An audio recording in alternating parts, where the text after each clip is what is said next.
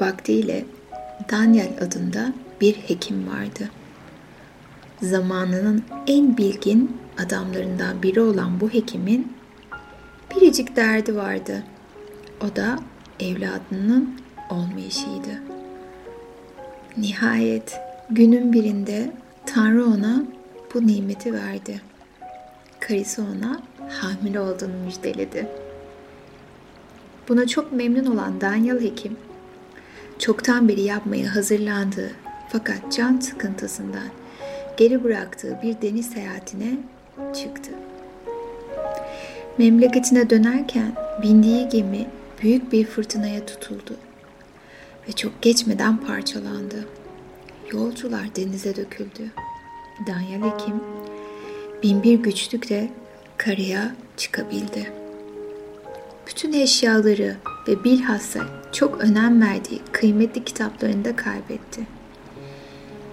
Bunlardan ancak beş yaprak kurtarabildi. Fakat hasta ve bitkin olan Daniel Hekim ailesini yanına davet etti.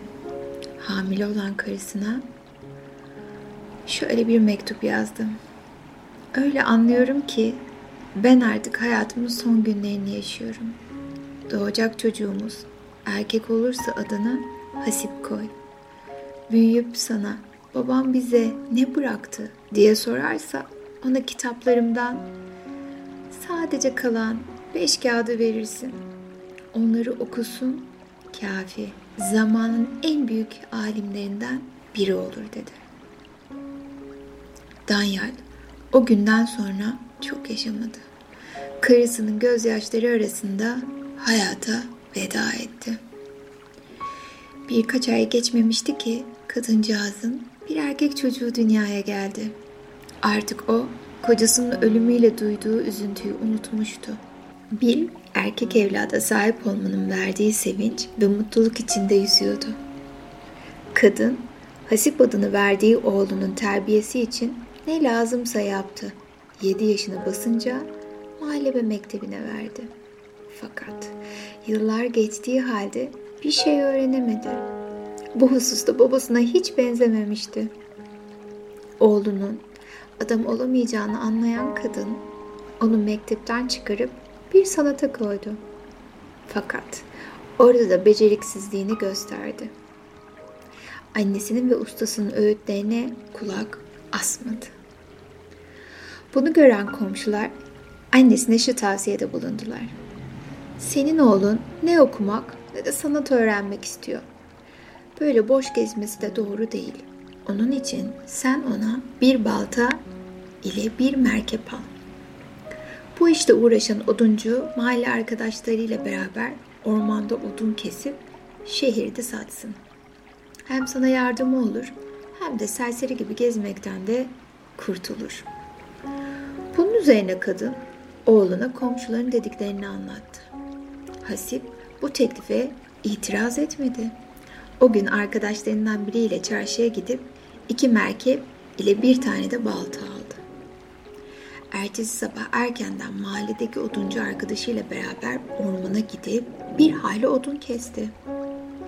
Merkepleri yükleyerek çarşıya götürdü. Onları satıp parasını annesine verdi. Böylelikle işe alışan genç çocuk hayatını odunculukla kazanmaya başladı. Gecenin sona erdiğini gören Şehrazat masalını burada bıraktı. Ertesi gece kocasının istediği üzerine yeniden anlatmaya başladı.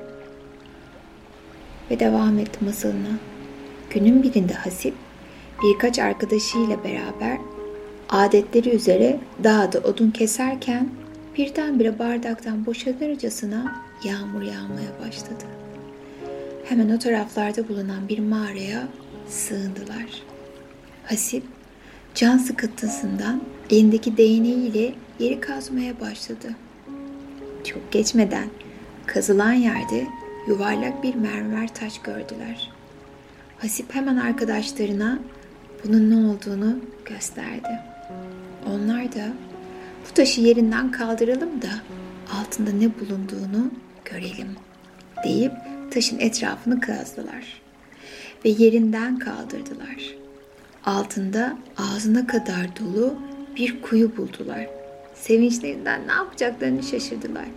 Nihayet içlerinden biri, Tanrı bizi buraya bir müddet odunculuktan kurtarmak için gönderdi bence. Şimdi bu balı şehre götürüp satalım. Parasını da aramızda paylaşalım diye teklif etti. Çünkü kuyunun içi bal doluydu. Hepsi bunu muafık gördü. Arkadaşlarından birisini şehre yollayarak birkaç tulum getirttirdiler ve balı onlara doldurarak pazara götürdüler. Balın iyi bir fiyata satıldığını görünce ertesi gün gene tulumlara doldurup sattılar. Böylelikle az bir müddet içinde kuyudaki malı tükettiler. Yalnız kuyunun dibinde bir iki tulumu dolduracak kadar bal kalmıştı. Onu almak için Hasip'in beline kadar ip bağlayarak kuyuya indirdiler. Hasip kalan balı tulumlara doldurdu. İple yukarıda duran arkadaşına yolladı. Sonra kendisini çekmelerini söyledi.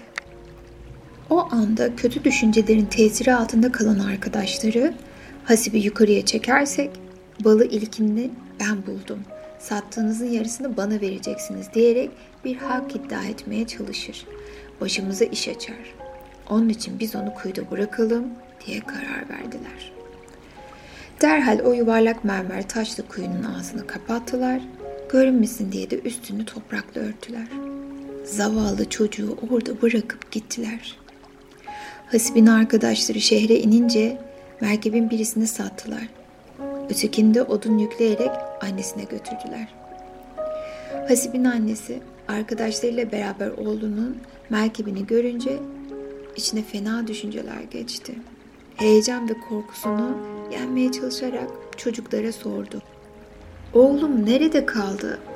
Arkadaşlarından birisi yapmacık bir kederle teyze dedi. Odun almaya gelirken oğlunun merkeplerinden biri Kurtlar Deresi'ne indi. Hasip onu kurtarırken ansızın bir kurt çıkarak zavallıyı ve hayvanı gözlerimizin önünde parçaladı. Biz de kalan merkebe odun yükleyerek geldik. Kadın bu haberi işitince hüngür hüngür ağlamaya başladı. Bir ara içinden şu düşünce geçti. Rahmetli kocam. Oğlum Hasip için çok yıllar yaşayacağını söylemişti. Halbuki genç yaşında öldü. Buna nasıl inanayım? Hasib'in sayesinde birkaç gün içinde her biri zengin olan oduncu gençler ara sıra onun annesine yardım etmeyi de unutmadılar. Gelelim şimdi Hasib'in başından geçenlere. Yine sabah oluyordu. Hükümdar masala ertesi akşam devam etmesini istedi. Şehrazat'a yarıda bıraktığı masalına ertesi akşam şöyle devam etti. Hasip, arkadaşları tarafından kuyuda bırakıldığını anlamakta güçlük çekmedi. Kaderine boyun eğmekten başka yapılacak bir şey yoktu. Bu karanlık ve rutubetli yerden kurtulmak için çareler düşünmeye, Ulu Tanrı'ya yalvarmaya başladı. Bu arada kuyunun yanında ufak bir çıtırdı duydu ve ardından bir toprak parçasının düştüğünü gördü. Sesin geldiği tarafa dikkat etti. Küçük bir deliğin açıldığını ve oradan bir akrebin çıkıp kendisine doğru yaklaştığını gördü. Hemen bu zehirli ve muzur hayvanı öldürdü. Sonra bu akrebin çıktığı deliği merak ederek göz gezdirdi. İçini daha iyi keşfetmek için bıçağıyla onu büyütmeye çalıştı. Oradan ışık sızdığını görünce sevindi. Daha büyük bir gayret sarf ederek o küçük deliği bir adam sayacak kadar büyüttü. Sonra oradan başını sokup içeriye daldı. Orası düz bir yerdi. Bir iki adım ilerledi. Karşısında anahtar üzerinde demir bir kapı gördü. Kapıyı açtı. Başını uzatıp içeriye baktı. Gördüğü manzara fevkalade güzeldi. Burası cennet gibi bir yerdi. Çeşit çeşit ağaçlar, binbir renkli ve kokulu çiçekler ve bunların ortasında büyük bir havuz göze çarpıyordu. Havuzun ortasında ufak bir tepe vardı. Burada zümrütten yapılmış en kıymetli taşlarla bezenmiş bir tabut kurulmuştu. Havuzun etrafında da birçok altın sandalye dizilmişti.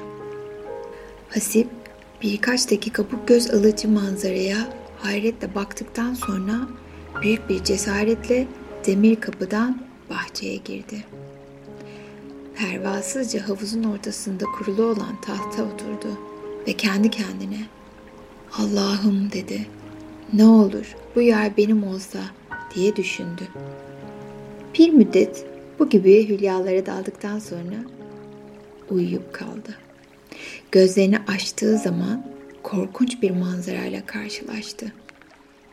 Havuzun etrafında iskembelerin üzerinde çeşit çeşit yılanlar oturmuş, vahşet veren, sinirleri bozan çığlıklar atıyorlardı. Hasip bunu görünce korkarak yerinden sıçradı. Gözleri yarı açık bir halde bu tüyler ürpertici sahneyi bir daha seyretti. Bu sırada gök gürültüsünü andıran bir ses işitti. Bu sesi duyan ve iskembelerin üzerinde oturan yılanlar ayağa kalkarak birisini karşılamaya hazırlandılar.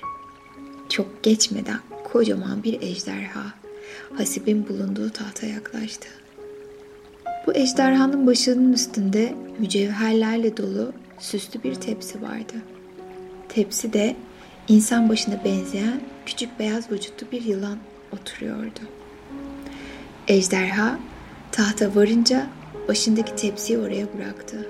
İçindeki yılan o sırada dile geldi. Hasibe hitap etti. Ey aziz misafir, sefa geldin. Sakın kalbine korku gelmesin. Bu tat Tanrı'nın verdiği sonsuz nimetlerden birisidir. Bu gördüğün yılanların hükümdarı benim. Hepsi de bana tabidir.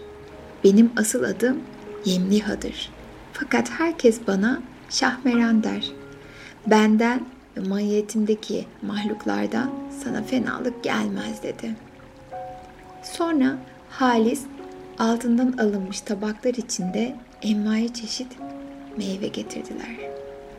Şahmeran meyve tabaklarını misafiri bulunan Hasib'in önüne sürerek buyurunuz beraber yiyelim dedi. Karnı çok acıkmış olan Hasip bu meyvelerden fazlasıyla yedi. Biraz sonra Şahmeran ona sordu. Ey Ademoğlu, söyle bakalım bu yerimize nasıl ve ne niyetle geldin? Hasip derhal büyük bir hüsnü niyetle başından geçenleri bir bir anlattı. Bunun üzerine Şahmeran telaşa düştü. Demek insanlar bizi gene rahatsız edecekler. Yerimizi buldular ha? Bu fena bir haber. Hasip, o kuyu benim ambarımdı. Hasip onu teselli etti. Sizin burada bulunduğunuz kimsenin hatır ve hayaline gelmez. Bu kıyı bilenler beni oraya attıkları için suçları meydana çıkar diye buraya kolay kolay sokulmazlar. Boş yere meraklanmayınız. Şahmeran başını sallayarak Hasip kardeşim dedi. İnsanoğlu çok tuhaf mahluktur. Hile ve oyuna çoktur. Emin ol ilk defa beni gördüğün zaman nasıl ürktüysen ben de seni görünce telaşa düştüm. Çünkü benim vaktiyle Ademoğlundan bir kuyruk acım vardı. Beni yakalayıp hapsetmişlerdi. Az kalsın beni öldürüyorlardı. Yalnız ecelim daha gelmemiş olmalı ki zar zor canımı kurtardı. Fakat yine senin dediğine inanıp tehlikenin bulunmadığına kani olacağım. Hasip bunun üzerine Şahmaran'a bana iltimat ettiğinize çok memnun oldum. Yalnız sizden bir dileğim var. Ben size başımdan geçenleri anlattığım halde siz bana maceranızı nakletmediniz. Ne olur anlatsanıza dedi. Şahmeran gülümseyerek Hasip'in arzusunu yerine getirmek maksadıyla macerasını anlatmaya başladı. Ey Hasip, vaktiyle Mısır'da beni İsrail kavminden Yuşa adında çok bilgili bir hükümdar vardı. Günün birinde Tevrat'ı okurken ahir zaman Tanrı elçisinin güzel huylarını ve yüksek terbiye ve faziletleri hakkında yazılar gördü. Bunları beni İsrail duyacak olursa onun ümmetinden olmak için savaşacak. Halbuki onun gelmesine daha bunca yıl vardır diyerek o yazıyı Tevrat'tan çıkarıp gümüş bir çekmece içine koydu. Özerini mühürleyip küçük bir odaya sakladı. Etrafına kalınca bir duvar çekti. Birkaç yıl sonra da bu hükümdar ölüverdi. Yerine Belki adındaki küçük oğlu tahta geçti. Günün birinde bu genç hükümdar hazine odasını gezerken etrafı kalın duvarlarla örülmüş küçük oda gözüne ilişti.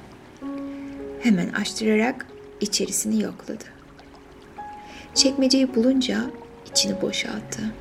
Ahir zaman peygamberi hakkındaki yazıyı okudu.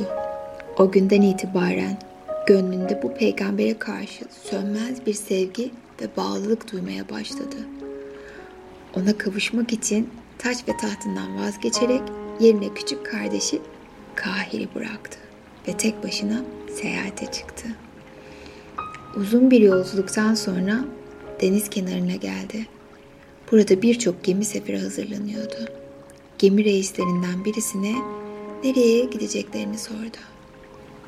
Şam şehrinde tabi deniz kıyılarındaki kasabalara gideceklerini öğrenince hemen buradan bir gemiye bindi. Gemi o gün yelkenlerini şişirerek yola çıktı. Birkaç gün sonra ıssız bir adaya yanaştı. Yolcuların beraberinde getirdikleri yemekleri tükenmeye başlamıştı. Ve adada meyvelerden toplamak üzere oraya indiler. Belki ya da onların arasına katıldı. Bir aralık çok yorgun düşen belki ya bir ağacın altında uyudu. Bir müddet sonra gözlerini açınca etrafta yolcuları göremedi. Gemi de çoktan gitmişti. Belki ya bu ıssız adada yalnız kaldığını anlayınca canı sıkıldı. Kendi kendine söylenmeye başladı.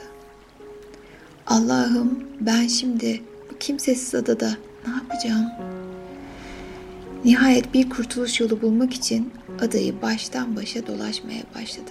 Birçok yılana tesadüf etti. Deniz kenarına gelince sahilde kayalar arasında bir kayık gözüne ilişti. Bu kayık vaktiyle o civarda batmış büyük bir gemiye aitti. Dalgalar sürükleye sürükleye oraya getirmişti. Belki ya Tanrı'ya sığınarak sandala bindi ve denize açıldı. Rüzgarın ve su cereyanlarının tesiriyle kayık birkaç gün içinde denizde avare dolaştıktan sonra bizim bulunduğumuz adaya yanaştı. Kayığı emin bir yere bırakarak sahile çıktı. Bir iki adım atmamıştı ki birçok yılan ve ejderha ile karşılaştı. Ben de o sırada fil büyüklüğünde bir ejderhanın sırtındaydım. Bizi görünce korktu, geri dönmek istedi. Hemen arkasından seslendim. Ey insanoğlu, ben Şahmeran'ım. Bunlar da benim mahiyetimdir. Niye korkuyorsun? Sana bir zararları dokunmaz ki. Bu sözlerimle cesaret bulmuştu. Yanımıza daha fazla sokuldu. Bu arada sordum. İnsanların giremediği bu ülkeye nasıl gelebildin? Ve sen kimsin? Belki ya başından geçenleri bir bir anlattı. Ahir zaman peygamberine aşık olduğunu anlayınca ona fenalık etmek istemedim. Yalnız ona dedim ki ben seni kolay kolay buradan salı vermezdim. Fakat aradığım peygambere hürmeten seni serbest bırakıyorum. Hemen git, sandalına bin. Güney istikametini takip edersen Şam şehrine varırsın. Yalnız senden iki şey istiyorum. Şahit, ahir zaman Tanrı elçisine kavuşursan benden selam söyle ve elini öp. İkincisi, kimseye bizim burada olduğumuzdan bahsetme. Belki ya bu iki şartı yerine getireceğini söz vererek sandalına bindi. Hayli yorucu ve tehlikeli bir yolculuktan sonra Şam sahiline vardı. Oradan Kudüs'ü şerite geçti. Öteden beri birçok peygamberin yetiştiği bu ülkede gezerken büyük bir bilgin olan Affan adında zatla tanıştı. Birçok gizli ilme merakı olan bu zat, Hazreti Süleyman'ın mührünü elde etmek hevesine düşmüştü. Hazreti Süleyman'ın mührü sayesinde bütün hayvanlara, kuşlara, perilere hakim olunurdu. Bu bilginin okuduğu eski kitaplara göre güya Hazreti Süleyman öldükten sonra yedi deniz arkasında bulunan bir adaya götürülmüş ve sanki yaşıyormuş gibi altın bir taht üzerine oturulmuş, yüzük de parmağında öylece duruyormuş. İşte bu yüzüğü kim elde ederse bütün dünyaya hakim olurmuş. Yine Affa'nın okuduğu kitaplarda o yedi denizi geçmek için tek bir çare varmış. O da ayaklarının altına sürüldüğü takdirde suyun üzerinde batmadan yürümesini temin eden özellikle bir bitkiyi bulmakmış. Bunu da elde etmek için Şahmeran'ı yani beni yakalayıp beraber bağları, bahçeleri, kırları, bayırları gezmek ve bu otu bulmak mecburiyeti varmış. Çünkü Şahmeran'ın geçtiği yollar üzerinde otlar onu görünce dile gelip ne işe yaradıklarını söylerlermiş. Şimdi Affan, Şahmeran'ı gören ve tanıyan bir kimseyi aramakla meşgulmüş. Affan, Belkia'nın seyahatinden birçok garip şey gördüğünü işitince ona benim de senin gibi bir gayem vardır. Ömrümün yansını bu gayeye ulaşmak yollarını araştırmakla getirdim. Ben Hazreti Süleyman'ı bulmak ve onun parmağındaki tılsımlı yüzüğü elde etmek istiyorum. O yedi deniz aşın bir adacıktadır. Denizi kolay geçmek ve o yolu bulmak için bir ot var. Onun suyunu bir insanın ayağına sürerse karada yürür gibi denizde de yürüyebilecektir. O otu bulabilmek için senin tesadüf ettiğin o şahmaranı yakalamak icap ediyor. Onu elde etmeye yardım edersen sen de peşinde koştun gayeye ulaşırsın. Çünkü Süleyman'ın mührü kime olursa ve kim elde ederse onun vasıtasıyla her şeyi yapabiliriz. Mesela hayat suyunu bulur bulmaz ondan içiriz. O zaman ölümden kurtuluruz. Ahir zaman peygamberine yetişiriz dedi. Belki ya Şahran'a verdiği sözü unutarak Affan'a bu hususta yardım edeceğini söyledi. O günden sonra her ikisi de yol hazırlığı yapmaya başladı. Affan demirden bir kafes yaptırdı. Yanına bir şişe süt ve bir şişe şarap aldı. Belki ya da bir sandal tedarikinde bulundu.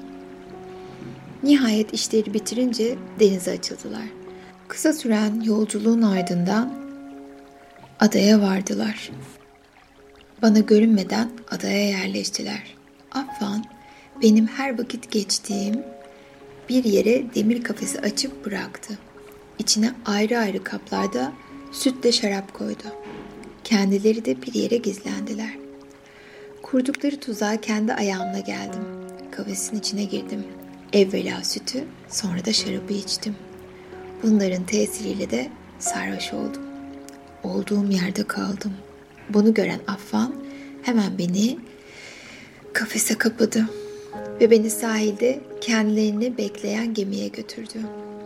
Bir müddet sonra ayıldığım zaman kendimi kafesin içinde görünce Ey beni yakalayıp meçhul bir semte götürmek isteyenler siz kimsiniz? Benden ne istiyorsunuz? diye sormaya başladım. Afan'ın sert sesi cevap verdi. Ey Şahmeran sen hiç korkma. Bizden sana fenalık gelmez. Aradığımız bir şey vardır. Onu bulunca seni serbest bırakacağız. Bunun üzerine ben de söyleyin aradığınız şey nedir? Belki ben şimdiden onun hakkında malumat verebilirim dedim. Afan, suyunu her kim ayağına sürerse denizde yürüyebilen bir ot arıyoruz. Eğer bulursak yedi denizi geçip Hazreti Süleyman'ın adasına gideceğiz. Mührü elde etmek için ve bu sayede dünyaya hakim olmak istiyoruz. Karşılığını verdi. Onların bu büyük gayelerini öğrenince derhal kendime geldim ve Afa'nın yanında bulunan Belkiye'ye seslendim. Bana verdiğin söz bu mudur? Tevekkille insanlara iyilik yaramaz demişlerdi. Artık yapılacak bir şey yoktu. Kaderime boyun eğdim ve onlarla beraber yola çıktım. Geçtiğimiz yollarda otlar ve ağaçlar hangi derma, derde derman olduklarını söylüyorlardı. Nihayet 40 gün kadar dolaştıktan sonra aradıkları otu buldular ve çok sevindiler. Bir aralık Afan bana döndü. Ey Şahmeran, senin sayende işim oldu. Seni serbest bırakacağım. Bunun üzerine ona rica ettim. Madem ki beni serbest bırakacaksın, bari eski yerime götürüp beni oraya bırak. Bu dileğimi haklı buldular ve beni götürüp yerime bıraktılar. Serbest kalınca bir şey unuttunuz. Aradığınız otların arasında insana ebedi hayatı bağışlayan bir ot vardır. Onu alsaydınız işiniz tamamlanırdı. Hem de size nasihatim olsun. Süleyman'ın mührünü almaya kalkışmayınız. Çünkü tılsımlıdır. Yanarsınız dedim. Onları pişmanlık ve hayret içinde bırakıp beni sabırsızlıkla bekleyen ejderhalarımın yanına gittim. Onlara başımdan geçenleri anlatınca eğer bunu haber alsaydık Afen'le Bellika'ya parça parça ödetirdik dediler. Ademoğullarının şehrinden kurtulmak için başka bir yere taşınmak hususunda konuşmaya başladık. Nihayet bu gördüğün yere geldik. Bununla beraber gene Ademoğlunun hile ve zulmünden yakayı kurtarmış değiliz. O hayvanların en kuvvetlisini, kuşların en yırtıcısını, balıkların en ele geçmeyeni yakalayıp emrine rahmetmiştir. Onun için biz ne kadar kuvvetliysek de gene ondan korkarız. Ey Şahmeran, sen insanoğlundan şikayetle onların şerrinden kurtulmak kabildir diyorsun. O halde sana benden fenalık gelmesin diye beni yeryüzüne çıkar, anneme kavuşayım.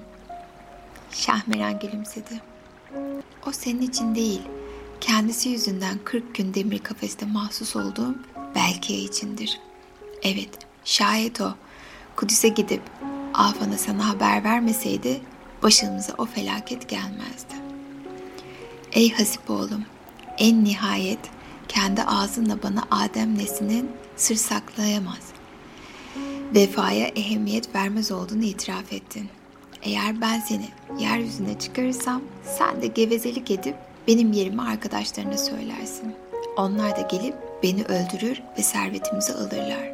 Yahut benim buradan çıkmama ve rahatımın bozulmasına sebep olurlar. Halbuki ben senin gibi yaşamak isterim. Onun için sen bu hususta bir şey söyleme. Buradan çıkmaktan ümidini kes. Herhalde burası gidebileceğin yerden daha rahat ve daha güzeldir.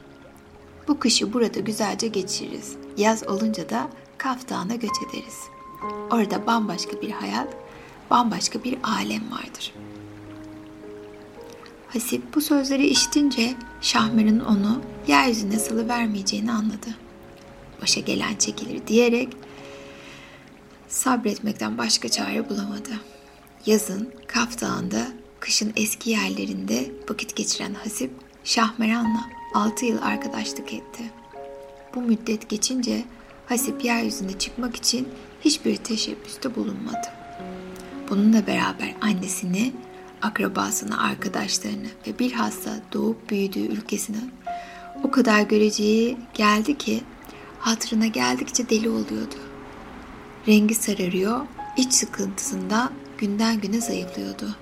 Şahmeran bunun farkına varmış ve delikanlıya merhamet duymuştu. Günün birinde onu yanına çağırarak Hasip dedi. Sen hakikaten artık burada sıkılmaya başladın. Memleketine dönmek istiyorsun. Ne yapayım? Bu hususta sana yardım edemeyeceğim. Yalnız sana Belkiye ve Afa'nın benden ayrıldıktan sonra başlarından geçenleri anlatayım. Belki hoşuna gider. Bir müddet dertlerini unutursun. Hasip, zaten bunu merak ediyordum deyince Şahmeran anlatmaya başladı. Bir müddet Belkiye'yi görememiştim. Fakat birkaç yıl sonra Mısır'a döndüklerini haber aldım. Mahiyetimde bulunan perilerden birisini oraya yollayarak bu hususta haber almasını emrettim. Peri Mısır'a gitti. Belkia'nın kardeşi Mısır hükümdarının sarayına girmeye muvaffak oldu. Orada vezirlerin elinde Belkıya'nın başından geçenleri yazan bir kitabe gördü. Vezirler bunu büyük bir merakla okuyorlardı. Geç vakit bu kitabeyi okuyan vezir saraydan çıkıp ata bineceği sırada o peri at kılığına girerek veziri buraya getirdi. Ben de onun elinden Belkıya'nın macerasını aldım ve veziri yerine gönderdim. Zavallı Belkiya şimdi manastıra çekilmiş tahtını kardeşine bırakmıştır. Hasip gittikçe meraklanıyordu. Aman şahım, bu hikayenin üst tarafını anlatınız. Can kulağıyla dinliyorum. Bunun üzerine Şahmeran, Belkiye ve Afa'nın maceralarını anlatmaya devam etti. Belkiye ve arkadaşı Afan benden ayrıldıktan sonra yollarına devam etmişler. Günlerce dağ tepe, deniz göl açtıktan sonra bir yere varmışlar. Bu yerin toprağı mis kokulu, ağaçları ve yeşillikleri çok güzel manzaralıymış. Hele meyvesine doyum olmazmış. Yerin taşları ise hep yakuttan, pırlanta ve zümrütten ibaretmiş. İşte aradıkları yer burasıymış. Hazreti Süleyman burada, mağarada yatıyormuş. O mağarayı bulmakta çok zorluk çekmemişlerdi. Daha ilk adımlarını atar atmaz gözleri kamaştıracak kuvvetli bir aydınlıkla karşılaşmışlardı. İçeriye girdiler. Mağaranın kapıya karşı olan tarafında altından ve çeşit çeşit kıymetli taşlarla süslenmiş büyük bir taht kuruluymuş. Tahtın üzerinde genç, yakışıklı ve gayet heybetli bir zat yatıyormuş. Göğsünün üstüne koymuş olduğu sol elinin serçe parmağında kızıl yakuttan bir yüzük varmış ki onun ışığı bütün mağarayı aydınlatıyormuş. Belki ya bunu görünce hayretle kalmış. Afan ise sevinçten ve heyecanından ne yapacağını şaşırmış. Belkiye'yi kolundan çekerek hadi ne duruyorsun gidip yüzüğü olalım demiş. Lakin Belkiya Şahmaran'ın yani benim öğütlerimi hatırlayarak sen git al ben sana da burada gözcülük edeyim. Afan Belkiye'ye bir takım dualar öğreterek ben işimi görünceye kadar sen bunları oku diye tembih etmiş. Sonra ismi azami okuyarak tahta doğru ilerlemiş. Tam elini yüzeye atacağı sırada tahtın altından yatmakta olan büyük, korkunç bir ejderha çıkıp ona doğru yürümüş ve Ey meylün hırsız, buradan defolup git, yoksa helak olduğun gündür demiş. Affan büyük bir cesaretle bu söze ehemmiyet vermeyerek gene bir takım dualar okumaya devam etmiş. Bu sefer ejderha yüzüne karşı püskürtmeye başlamış. Fakat mütemadiyen dualar okuyan Afan'a bir şey olmamış. Tam elini uzatıp yüzüğü Hazreti Süleyman'ın parmağından çıkarmaya çalışırken gök gürültüsüne benzeyen müthiş bir ses duymuş. Sakın yüzüğü alma.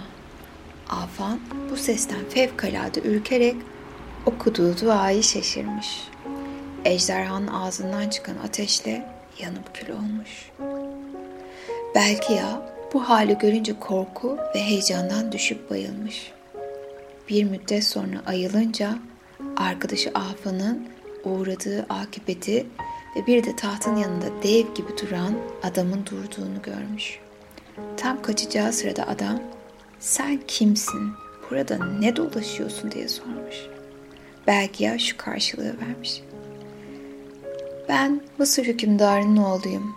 Tevrat'ta ahir zamanda peygamberin metnini işittim. Ona aşık oldum. Onu arayıp gezerken şu gördüğünüz adamla tanıştım. Beni kandırıp buraya getirdi. Benim başka bir maksadım yok. Bunun üzerine dev vücutlu adam Belkia'ya dönmüş. İşte oğlum demiş. Sana hüsniyetinden dolayı bir şey olmamış. Aradığın adamın gelmesine çok daha zaman ister. Belki ya bunu işitince adama teşekkür etmek istemiş. Fakat adam birdenbire ortadan kaybolmuş. Belki ya oradan çıkıp dağ tepe aşarak memleketin yolunu tutmuş. Yolda birçok garip manzaraya ve tuhaf yaratılışlara rast gelmiş. Nihayet uçsuz bucaksız bir sahraya varmış. Burada garip kılıklı iki büyük ordunun birbiriyle cenkleşmekte olduğunu görmüş. Bir müddet uzaktan kanlı savaşı izlemiş. Akşamüstü ordulardan biri yenilmiş. Bozguna uğrayıp kaçmaya başlamış. Galip ordu diğer orduyu takip edip onu epeyce yıprattıktan sonra iştiharete çekilmiş.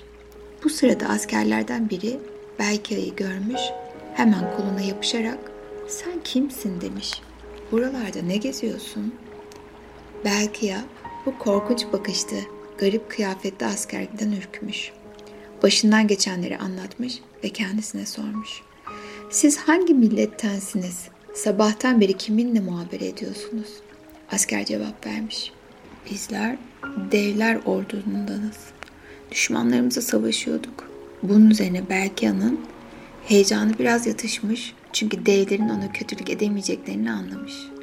Onu serbest bırakmalarını rica etmiş. Asker, bizim bu hususta herhangi bir hükmümüz yoktur. Seni hükümdarımızın huzuruna götürelim. O seni serbest bıraksın deyince belki ya o halde çabuk beni onun huzuruna götür demiş. Biraz sonra devlerin askerlerinden bir müfreze gelerek Belkiye'yi alıp yüksekçe bir dağa götürmüş. Orada altında ve mücevherattan yapılma bir taht üzerinde yakışıklı bir adam oturuyormuş. Belkiye'yi getiren askerlerden birisi hemen onun yanına giderek hürmetle eğilmiş. Hükümdarımız demiş, size bu yabancıyı seyyahı getirdik. Kendisi insanoğullarından olup ahir zaman peygamberine erişmek için dünyayı dolaşıyormuş. Bunun üzerine Deyler'in hükümdarı Belkia'yı iltifat ederek yanına oturtmuş ve hatrını sormuş. Sonra ne maksatla seyahate çıktığını sormuş. Belkia başından geçenleri anlatınca devlerin hükümdarı ahir zaman Tanrı elçisine hürmetli olduğunu söyleyerek bunun için ona ikram ettiklerini söylemiş. Biraz sonra önlerine mükellef bir yemek sofrası kurulmuş. Beraber yemişler, içmişler. Bir ara Belkia'ya hükümdarım ben yurduma bir an evvel kavuşmak isterim. Bana kolaylık gösterseniz diye ricada bulunmuş.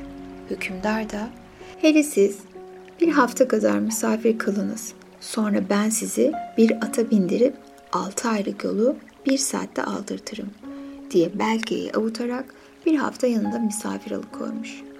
Belkia orada bir hafta kalmış. Sekizinci gün hükümdar adamlarına emir vererek kendi atını getirtmiş. Bu hayvan diğer atlara benzemiyormuş. Başı adeta bir insan başı gibiymiş.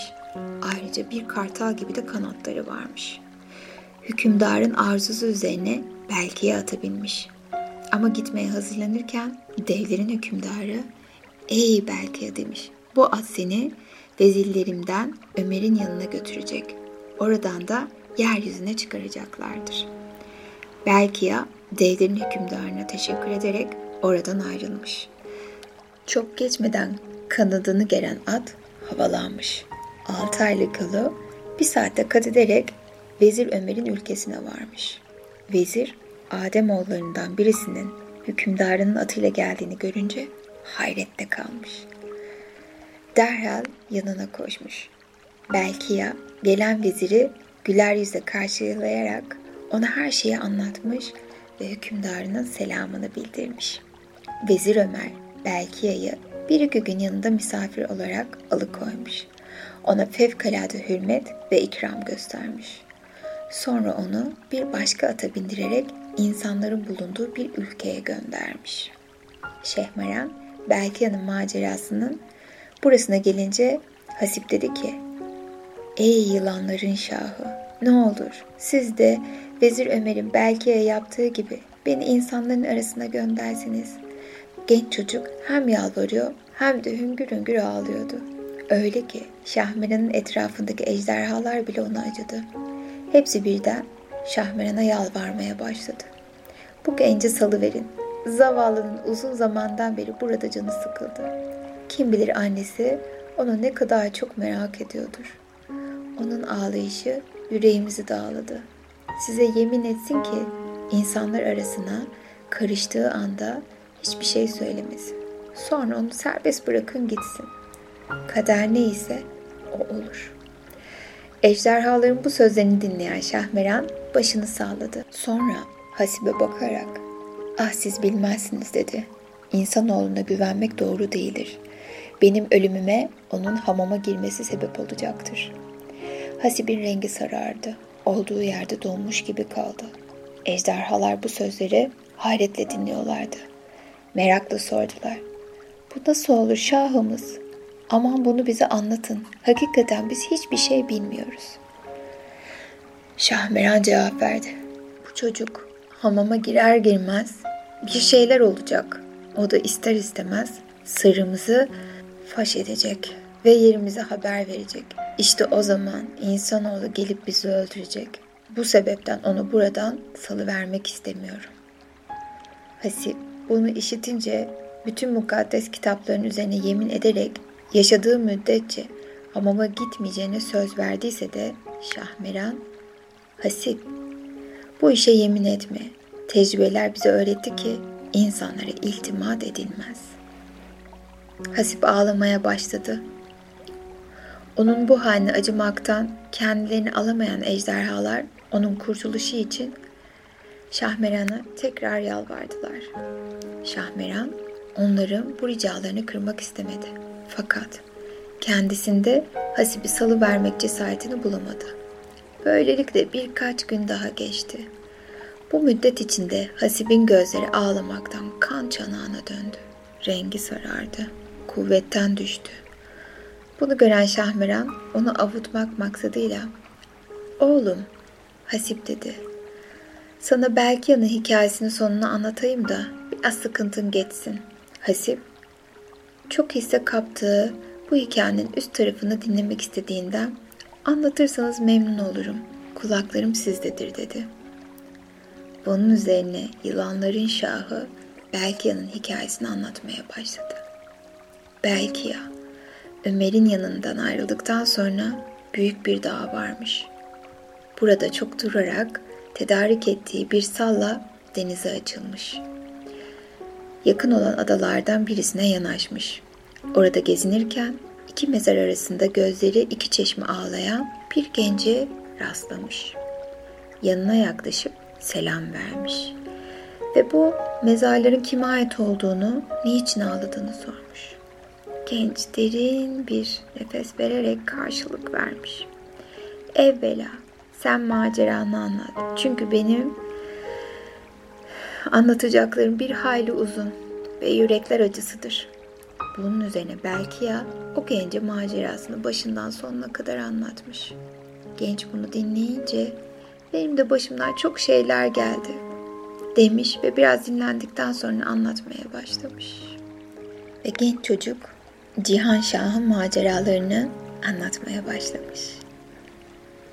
Çünkü bu genç aslında büyük hekimdar olan Targamus'un şahının oğlu Cihan Şah'tı. Ve şimdi derin ve güzel bir uykuya dalmış olmalısın. Cihan Şah'ın macerasını bir sonraki masalda bulacaksın. O yüzden kendini bu güzel uyku molasına teslim et. Ve derin ve güzel bir uykuya bırak kendini. Ve sabahleyin uyandığında umut dolu, keyifli ve dinlenmiş şekilde uyanacaksın. Güzel uykular.